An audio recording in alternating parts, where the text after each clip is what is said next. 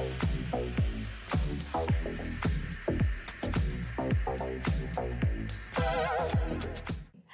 Sobat Bahasa di mana pun Anda berada, selamat pagi. Senang sekali saya Evi Olivia Kumbang Sila pagi hari ini menemani Anda di ruang siniar kantor Bahasa Maluku. Dan pagi hari ini saya ditemani oleh Kepala Kantor Bahasa Maluku, Pak Sahril. Nah Pak Sahril selamat pagi. Selamat pagi Bu Evi. Nah Sobat Bahasa, sudah lihat ya senyum Pak Sahril ya. Pagi hari ini kita akan membahas tentang salah satu kegiatan yang dilaksanakan oleh Kantor Bahasa Provinsi Maluku kemarin. Kegiatannya namanya dialog interaktif, Interaktif. ya, Pak. Dialog interaktif dengan tema bahasa hukum dan hukum, Hukum bahasa. Ya. Nah, Pak Saril boleh dong eh, Pak Saril gambarkan sedikit ya. Siapa saja tuh yang datang di kegiatan itu? Ah, baik Bu Evi, Ah, selamat pagi para sahabat bahasa sekalian. Hmm, perlu kami jelaskan bahwa kegiatan dialog interaktif ah, berkaitan dengan bahasa hukum ini kami mengundang para ah, orang-orang atau instansi yang terlibat ber- ah, dalam hal masalah hukum. Mhm. ya misalnya dari kepolisian, kejaksaan, kehakiman, eh, jurnalistik, kemudian eh, lembaga bantuan hukum dan sebagainya itu kita undang untuk berdialog dalam kegiatan yang kita usung itu hukum eh, bahasa Bahasa hukum dan hukum bahasa ini mungkin eh, apa namanya sahabat bahasa bertanya Hmm, apa itu bahasa hukum dan hukum bahasa. Eh, perlu saya jelaskan bahwa hmm, di Indonesia ini ada tiga bahasa dalam konteks eh, menurut undang-undang. Yang pertama itu bahasa Indonesia, yang kedua itu bahasa daerah, mhm. lalu yang ketiga itu bahasa asing. Nah, sebenarnya tidak ada bahasa hukum, tidak ada bahasa medis, tidak ada bahasa Mhm. ekonomi. Yang ada itu sebenarnya bahasa hukum, eh, bahasa Indonesia laras hukum. Hmm, Ya, laras ya, Iya, Pak ya? laras hukum. Jadi, namun kita selalu menyebutnya itu bahasa hukum. Nah, apa pun namanya, misalnya yang bahasa hukum atau bahasa medis, dia harus juga tunduk pada hukum-hukum yang berlaku dalam eh, tata bahasa Indonesia. Itu Hmm. maksudnya bahasa hukum dan hukum bahasa. Jadi tidak bisa dilepaskan. Misalnya harus menyesuaikan kaidah penggunaan baik itu ejaan, tata bahasa, pilihan kata, Mhm. dan bentuk kalimat dan sebagainya itu harus juga dipatuhi.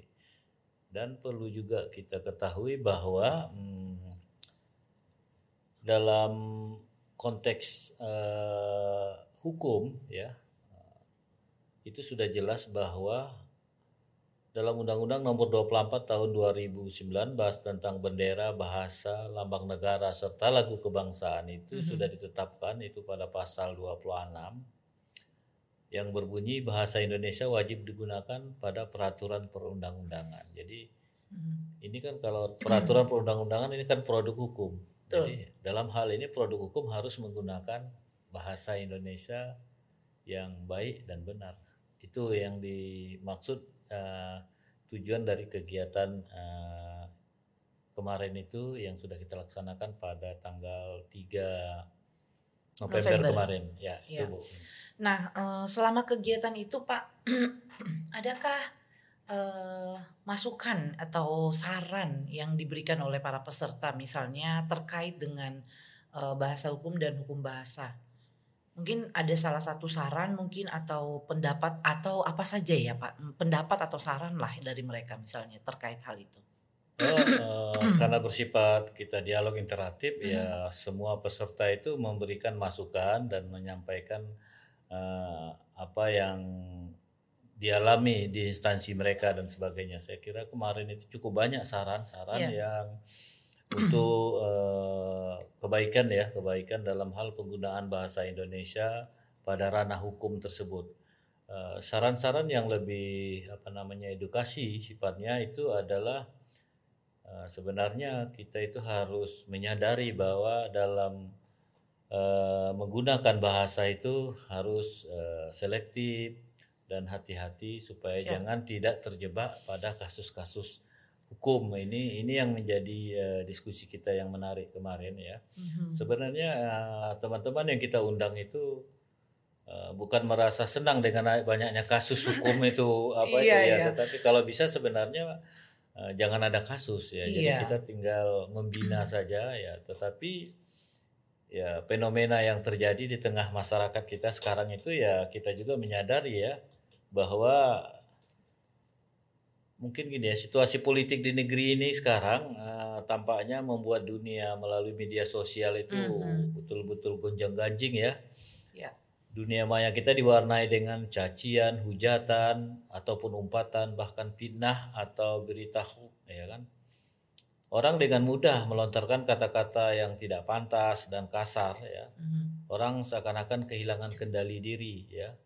Menggunakan bahasa yang cenderung kasar kemudian tidak hanya memberi kesan tidak santun atau tidak punya etika tetapi juga ya dapat dampaknya mengakibatkan yang bersangkutan berurusan dengan kepolisian. hukum. Dengan hukum. Nah, nah yeah. ini yang kemarin itu kita diskusikan ya. Jadi sebenarnya kita itu menghimbau supaya masyarakat itu harus selektif, jangan emosionalnya langsung dituangkan di dalam media sosial. Karena banyak yang curhat, Pak. Iya, jadi banyak yang curhat. Dia curhat di media sosial, kece uh, kecenderungannya ada yang tendensius ya. Iya. Akibat tendensius itu iya.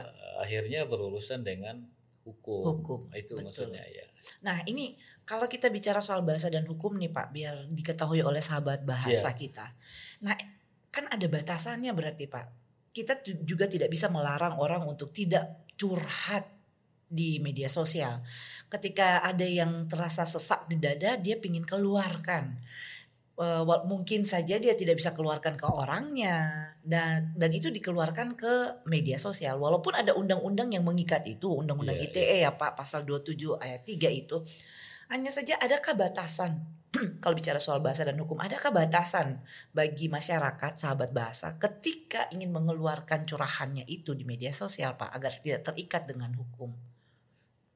Ya, uh, saya kira begini ya, kita boleh saja yang namanya mencurahkan emosi kita hmm. di dalam media sosial kita, tetapi kalau kita menggunakan bahasa yang santun mm-hmm. ya saya kira tidak ada masalah. Nah, iya. persoalan yeah. kita sekarang itu lebih cenderung ya bersifat makian dan memojokkan apakah itu bersifat uh, perorangan ataupun lembaga. Nah, ini mm-hmm. yang sering menjadi uh, apa namanya bermasalah dengan urusan hukum.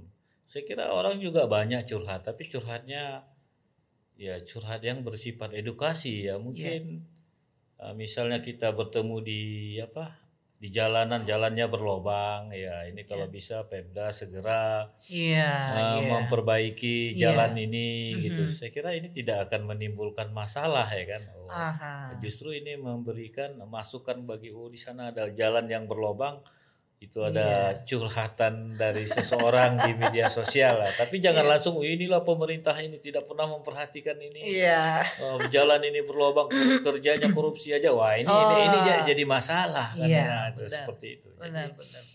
Uh, tapi kalau kita menginformasikan dengan curhat itu inilah mudah-mudahan pemerintah mau memperhatikan jalan ini. Benar. Nah, saya kira tidak akan bersentuhan dengan hukum bahkan lebih lebih apa namanya lebih cepat tersentuh ya. Karena begini Bu Epi dan sahabat bahasa sekalian. Sebenarnya kita itu harus menghindari bahasa negatif. Hmm. Ya. Orang karakter orang Indonesia ini hal yang negatif itu selalu ingin ditantangnya dengan negatif juga ya karena kalau negatif disandingkan dengan negatif itu kacau ya jadi Pak. positif dia jadi jadi berbahaya karena begitu kan karena Betul. dalam aturan matematika kan negatif kali negatif, negatif positif, positif. Nah, itu ya. contoh begini ada dalam satu ruangan kita di situ tertulis besar dilarang merokok oke okay. itu orang seakan-akan dia akan coba menantang itu ya menantang itu ah Iya. Tetapi coba imbau dengan positif. Kata dilarang itu negatif ya. Silahkan merokok maksudnya. Tidak. saya kira gini, hormati orang yang tidak merokok. Ah, ya, Iya. betul. Jadi betul. kata awalnya itu bukan negatif, ya hormati orang yang tidak merokok. Iya. Nah secara psikologis itu orang merasa ih segan sekali gitu, pasti Iya, tersentuh. Wah, jadi iya. saya kira ini yang harus kita tanamkan di tengah masyarakat kita. Jangan langsung menggunakan kata-kata larang, eh, tidak boleh apa semuanya. Yang ya. negatif-negatif Yang negatif, itu. negatif. hindari ya. Iya. Karena pada prinsipnya semua bahasa itu Positif. positif. Nah, Iya. benar. Tidak ada yang negatif, cuma tergantung konteks ya, Iya, ya dan konteksnya ya. Jadi bisa melihat situasi dan kondisinya, Kondisi, iya. akhirnya terjebak itu Betul. itu Bu Epi. Ya. Betul. Nah, eh, Pak Saril, eh, memang ya, yang bagian itu kita tidak bisa. Manusia ini banyak, sangat banyak, apalagi pengguna media sosial itu Iya. banyak sekali dan lebih banyak anak mudanya daripada orang tua. Eh, dan eh, ketika kita mem, kita sementara negara membatasi penggunaan media sosial untuk anak-anak untuk tidak ada pornografi, tidak ada porno aksi, ada yang terlewatkan di situ, porno kata misalnya. Iya kan Pak? Iya, betul, Porno ya. kata itu tidak tidak terlewat di- di- dilewati begitu saja seakan itu tidak penting. Nanti ketika sudah muncul semua porno-porno kata itu, barulah eh, sadar bahwa oh ternyata ini tidak pas, ini tidak cocok, ini sesuai dengan hukum tidak bisa. Makanya ada Undang-Undang 27 itu pasal pasal 3 untuk undang-undang untuk ITE itu yang membuat Iya, iya. batasan-batasan itu. Iya. Nah Pak, kira-kira eh, sebagai kantor bahasa ya, untuk kantor bahasa itu kan dia tidak bisa membatasi orang untuk tidak bermedia sosial atau tidak menuturkan hal-hal apa pun yang mereka rasakan di media sosial. Iya. Tapi minimal ada peran bahasa, ada peran kantor bahasa apa di dalam itu untuk membatasi hal-hal itu agar tidak terjadi misalnya. Ada peran kantor bahasa yang bagaimana atau kantor bahasa ada melakukan peran apa lah Pak untuk membatasi orang eh, tidak terlibat dalam hal-hal seperti itu.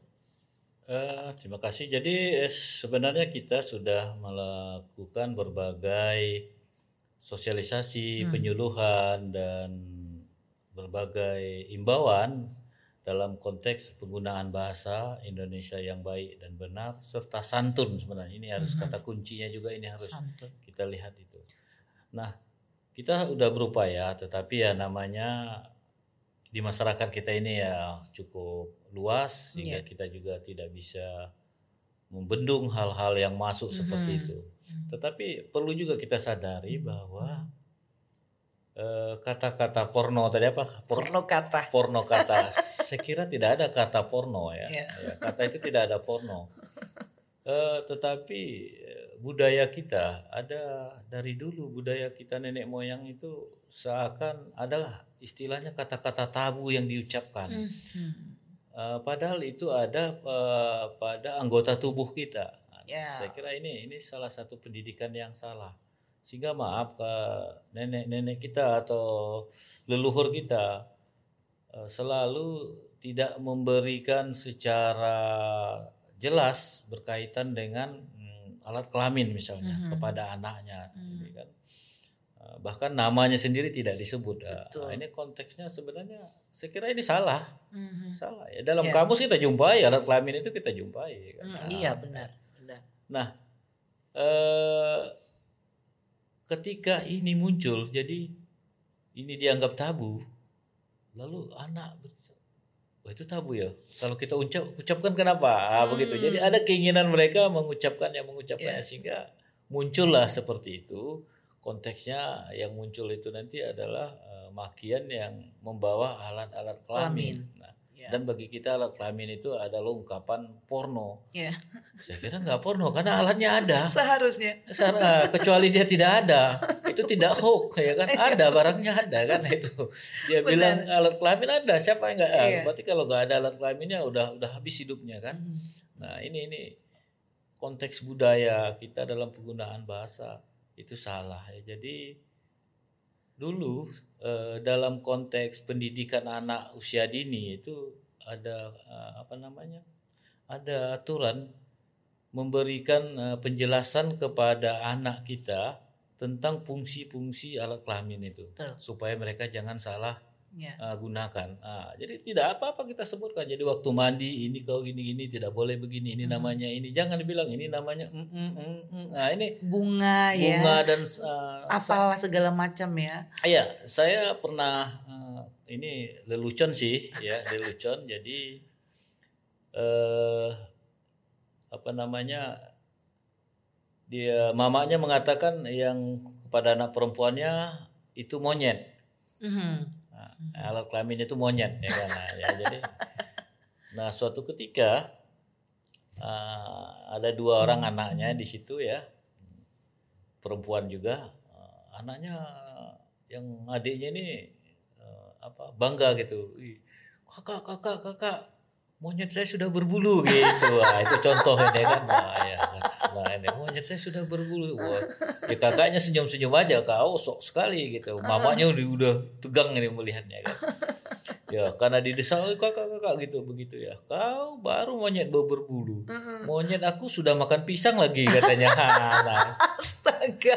Nah, ini akibat apa? Karena selalu Iya. orang tua ya, orang tua yang selalu mengidiomatikan Ya. uh, alat-alat kelamin, Kelamin, itu hmm. uh, dengan hal-hal yang, yang lain. lain.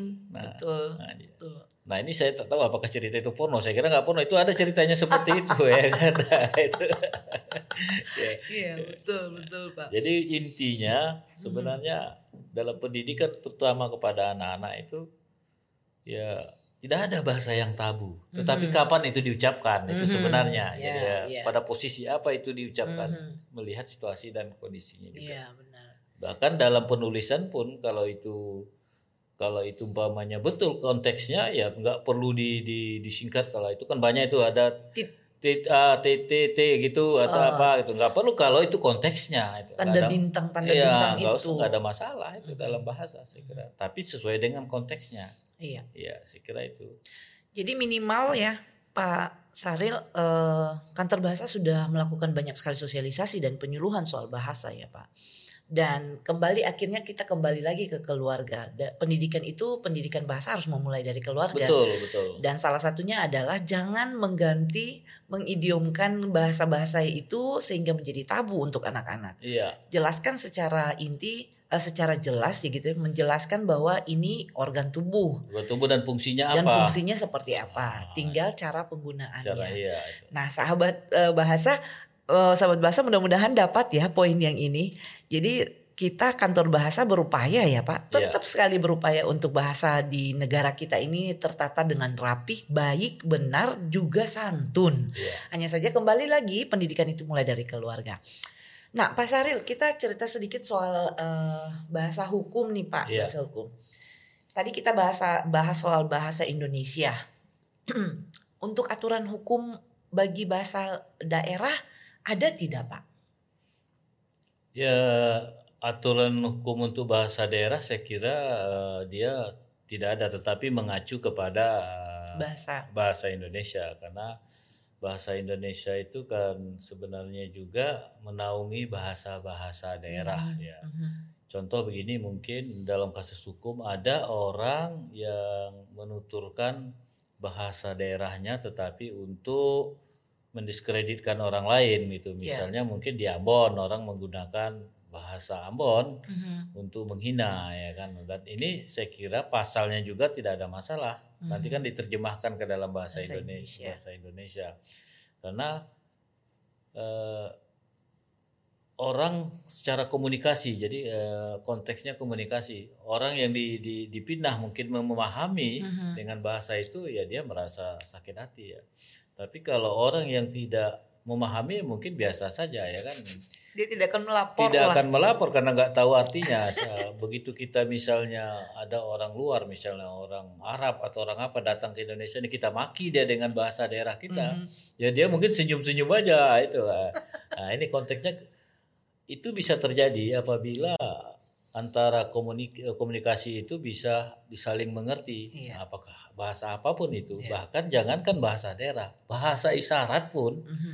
kan sekarang banyak isyarat ini ada ada orang begini satu dua tiga Iya, empat lima tiba-tiba muncul yang tanda isyarat yang lain Iya, nah benar. kalau begini kan cinta ada lagi yang lain itu saya nggak usah tunjukkan Oh, lah gitu. nah itu ah, itu ternyata dia merasa tidak enak Mhm. itu diajukan nah, Iya. apabila ada alat buktinya. Betul. Nah jadi tidak mesti bahasa secara oral ya bahasa isyarat juga itu bisa kena undang-undang Hmm. menjeratnya itu. Saya kira konteksnya seperti itu. Iya, ya, ya. jangan sampai nanti sahabat bahasa berpikir, ah ini saya mau maki-maki orang nih pakai bahasa daerah aja, dia kan bakal nggak ngerti gitu ya, ya Iya. bakal nggak diinin lah. Iya. Hanya eh, terima kasih Pak Saril untuk mengingatkan sahabat bahasa ya Pak ya, bahwa walaupun bahasa daerah digunakan ketika orang itu, apalagi kalau dia paham misalnya, Iya. atau dia mencari orang lain yang lebih paham, maka itu akan ber- berujung ke ranah hukum. Nah, iya, Pak, eh, terkait dengan bahasa daerah. Nah, kalau gitu, apakah boleh kita menggunakan bahasa daerah di ruang publik? Ada nggak juga tuh aturannya, Pak? Ya, eh, bahasa itu kan sebenarnya secara dunia internasional ada namanya HAL ya, hak azazi linguis itu itu Ah. itu pernah disepakati di Jenewa itu tahun 90-an ya kan. Jadi seseorang itu berhak menggunakan bahasa saja dan di mana saja. Akan tetapi kita harus melihat situasi dan kondisinya. Jadi Misalnya di ruang publik dia berbahasa daerah, kalau sesama orang yang memahami tidak ada masalah. Ya. Misalnya orang Ambon ketemu orang Ambon di Jakarta, Mhm. lalu dia berbahasa daerah, ya silakan saja. Tapi kalau begitu di antara dua itu lalu muncul satu orang Batak misalnya, Mhm. ini kan bisa jadi bermasalah. Benar. Maka gunakanlah bahasa Indonesia. Itu salah satu contoh sesuai dengan konteksnya. Nah, begitu juga di ruang publik. ya. Nah. Di ruang publik itu ada aturan mainnya ya. Misalnya kita itu bahasa negara kita bahasa Indonesia. Jadi kalau mau menampilkan bahasa daerah boleh kita tapi di depannya di atasnya itu adalah bahasa Indonesia lalu di bawahnya mungkin bahasa daerah misalnya terima kasih. Baru bahasa Ambonnya tabea ya? Ya, hmm, tapi itu soalnya maknanya banyak Pak. Ah, misal- Dangke, terima Dangke, kasih untuk ya dangke. dangke misalnya silakan. Ya Mhm. itu. Tapi ada aturan mainnya itu. Ya, jadi tidak ada bahkan jangankan bahasa daerah bahasa bahasa asing pun diperbolehkan. Oke. ya jadi jangan orang merasa wah ini salah penggunaannya ini salah. Tidak kita ada aturan mainnya. Dan di di di dalam peraturan atau undang-undang kita juga mengatur seperti itu bahwa eh, kapan kita harus memakai bahasa Indonesia, kapan kita harus memakai bahasa daerah, dan kapan pula kita harus menggunakan bahasa asing. Ya, Hmm. jadi ada ya batas-batasan seperti itu. Jadi jangan merasa kita takut menggunakan bahasa asing, takut menggunakan bahasa daerah. Ya, saya kira ini yang perlu eh, sahabat bahasa ketahui. Ya, ya. Mhm.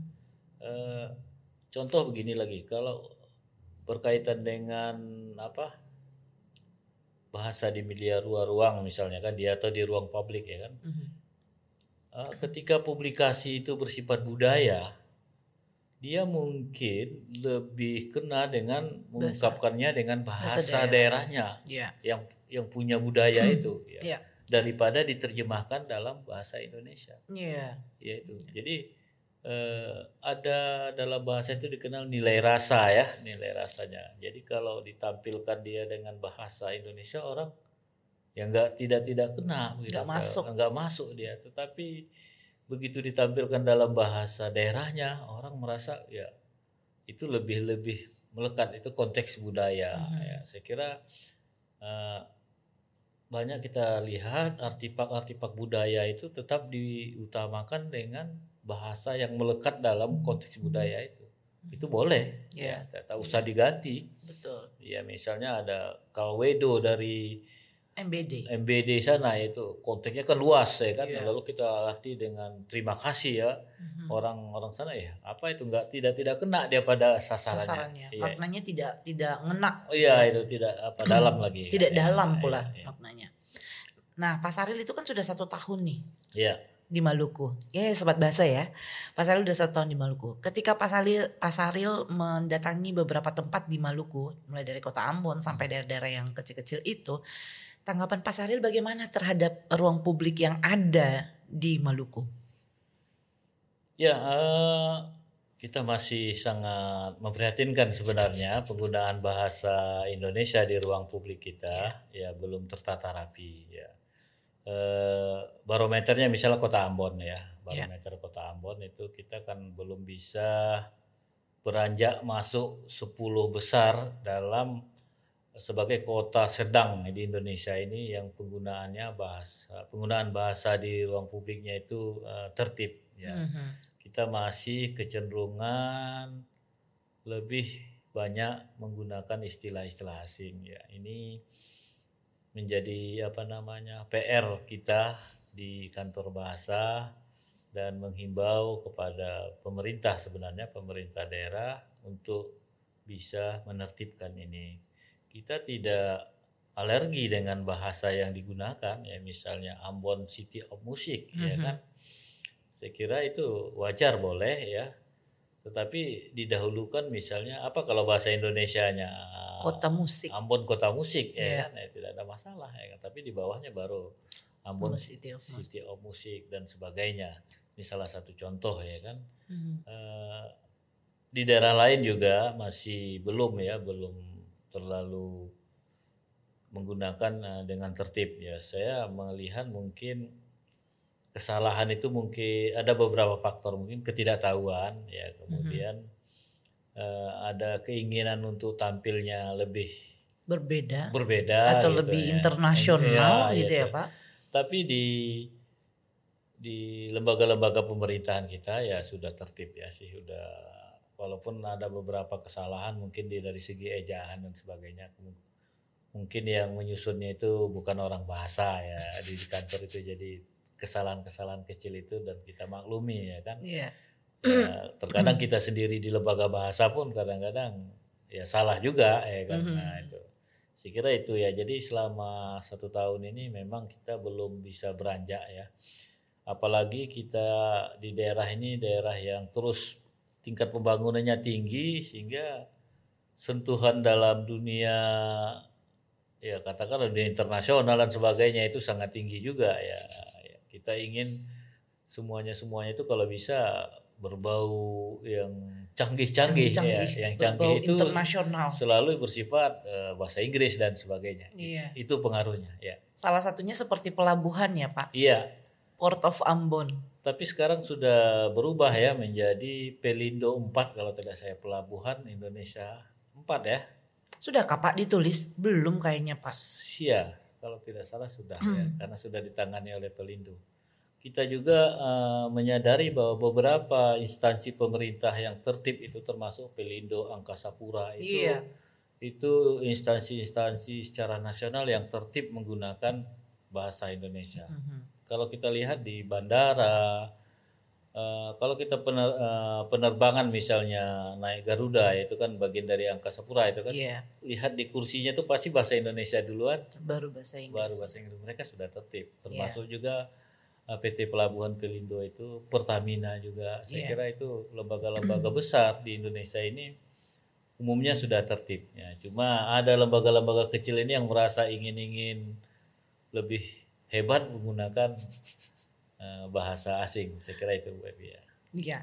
Oke, jadi sahabat bahasa, jadi yang pasti bahasa daerah itu juga uh, untuk uh, penggunaan bahasa di ruang publik, maaf, itu memang ada aturan mainnya ya Pak. Nah, yeah. semoga pemerintah daerah kita uh, bisa menyikapi ini dengan baik dan lebih tertib lagi dalam berbahasa di ruang publik. Nah, kalau kita bicara soal bahasa asing nih Pak, kita yeah. bicara soal bahasa asing bolehkah gitu ya?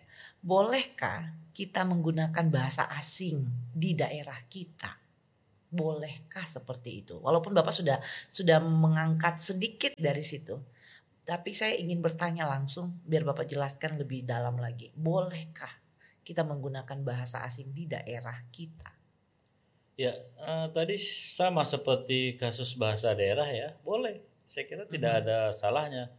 Tetapi sesuai dengan situasi dan kondisinya. Lihat konteksnya di mana ya hmm. ya kan.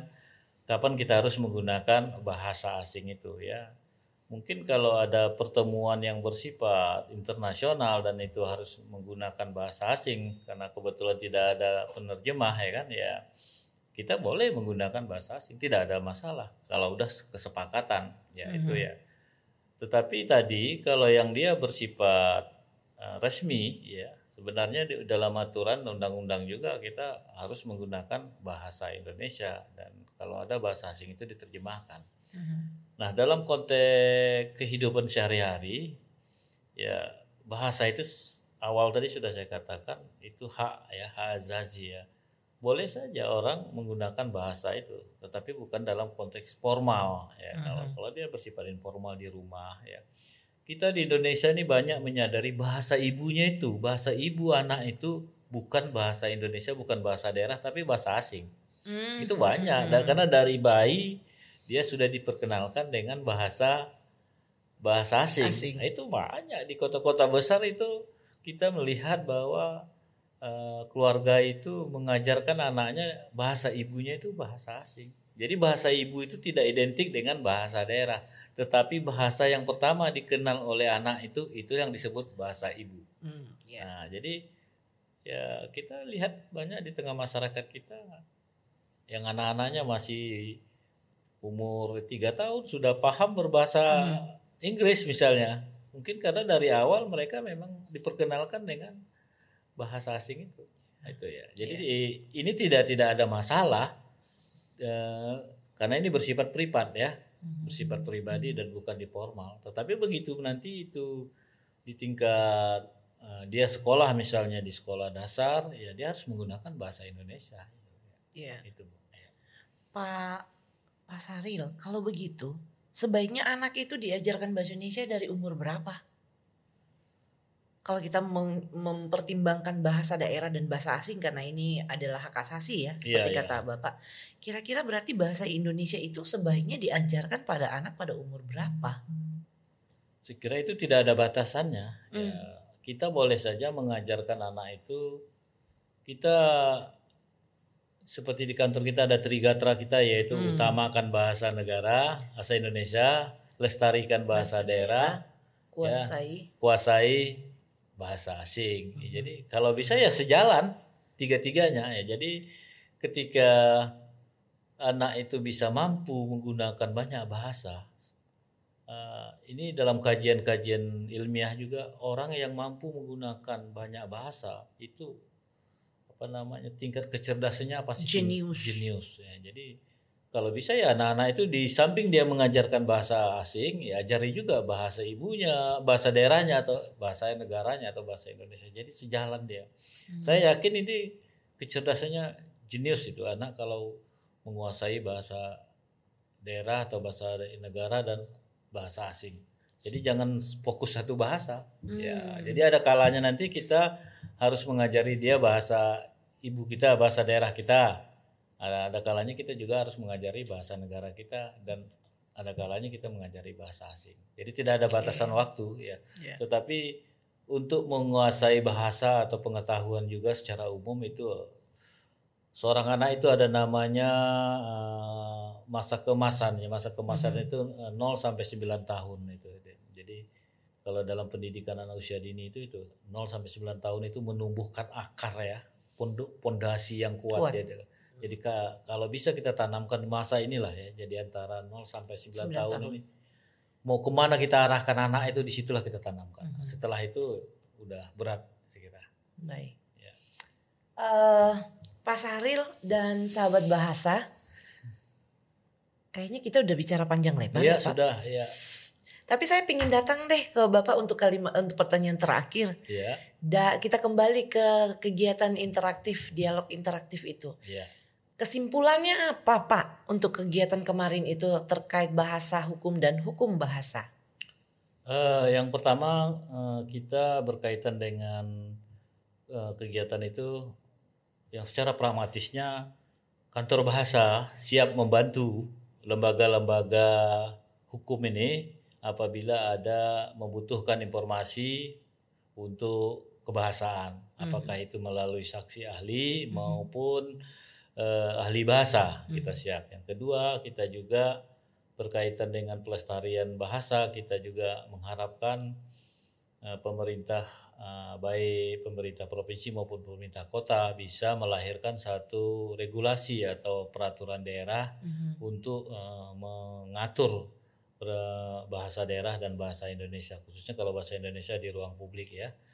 Kemudian kita juga uh, kesimpulan uh, yang juga kita harapkan ya bahwa uh, kehadiran atau tugas uh, saksi ahli bahasa atau ahli bahasa itu bukan menentukan yeah. benar atau tidaknya yeah. Ya. uh, dalam konteks uh, yang dipersoalkan, tapi kita hanya merujuk pada bahasa yang bersangkutan, bahasa yang kita yeah. dipersoalkan itu. Apakah ini masuk kasus penghinaan, misalnya yeah. pencemaran nama baik, yeah. ya kak, itu itu saja. Kita tidak masuk ke ranah hukumnya. Saya kira Benar. itu Bu Epi salah satu uh, apa namanya hasil uh, yang disepakati pada kegiatan kemarin dan kalau bisa kegiatan ini terus berkelanjutan mungkin hmm. ya sebulan sekali kita adakan dialog interaktif kira itu.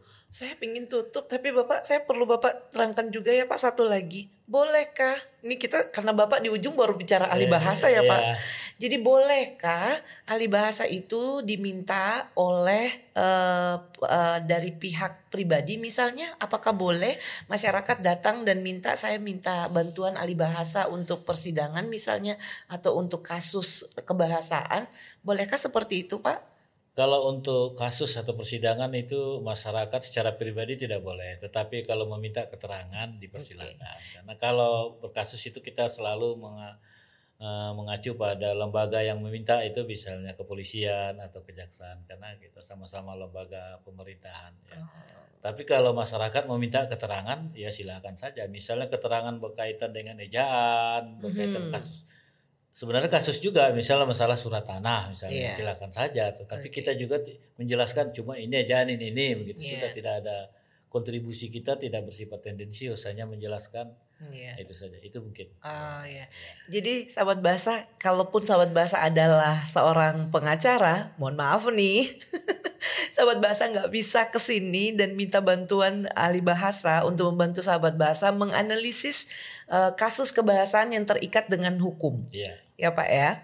Jadi mohon maaf karena memang kantor bahasa melayani uh, memberikan jasa untuk uh, ahli bahasa itu hanya untuk melayani uh, uh, penyidik, kejaksaan dan pengadilan ya Pak. Yeah, yeah. Oke, okay. uh, itu saja Pak. Ya, oke. Okay. Saya sudah dikasih tanda juga, Pak. Oh, berhenti, berhenti, berhenti. Oke. Okay. Nah, selamat uh, untuk sahabat bahasa. Kita sudah sampai di penghujung dialog kita pada pagi hari ini dengan Pak Saril. Terima kasih Pak Saril untuk waktu yang telah disediakan. Boleh berbincang di pagi ini. Dan untuk sahabat bahasa, kalau ada yang ingin sahabat bahasa tanyakan, silakan menghubungi uh, kantor bahasa Maluku bisa melalui Facebook Kantor Bahasa Maluku ataupun Instagram Kantor Bahasa Maluku. Atau sahabat data sahabat bahasa boleh langsung mendatangi Kantor Bahasa Maluku karena Kantor Bahasa Maluku memberikan berbagai macam pelayanan publik dan salah satunya yang kita bahas tadi adalah bahasa hukum, kemudian ada juga uh, penyuluhan dan masih banyak lagi kantor bahasa uh, jasa yang telah dis yang disediakan oleh kantor bahasa Maluku.